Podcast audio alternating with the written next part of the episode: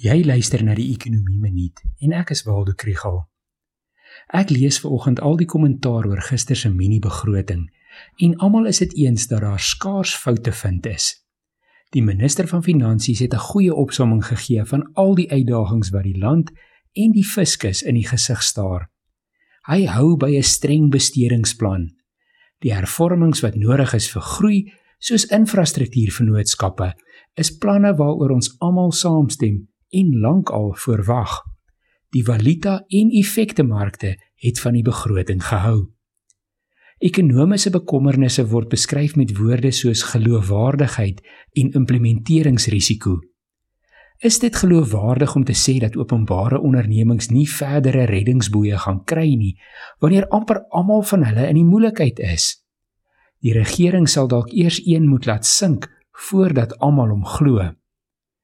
Implementeringsrisiko gaan oor die stadige spoed waarmee alle planne uitgevoer word. Dit het te doen met gebrekkige stelsels en tekorte aan gekwalifiseerde en ervare staatsamptenare. Maar dit het ongelukkig ook te doen met die stryd van idees binne die regering. In gister se mini-begrotingsrede het ons eintlik een kant van 'n debat gehoor.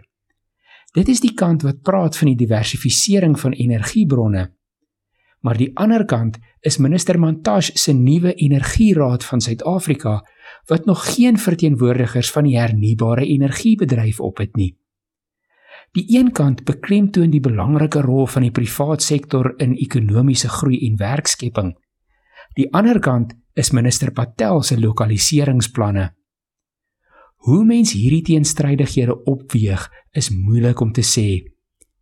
Ek sê vier die een en hou die ander kant dop.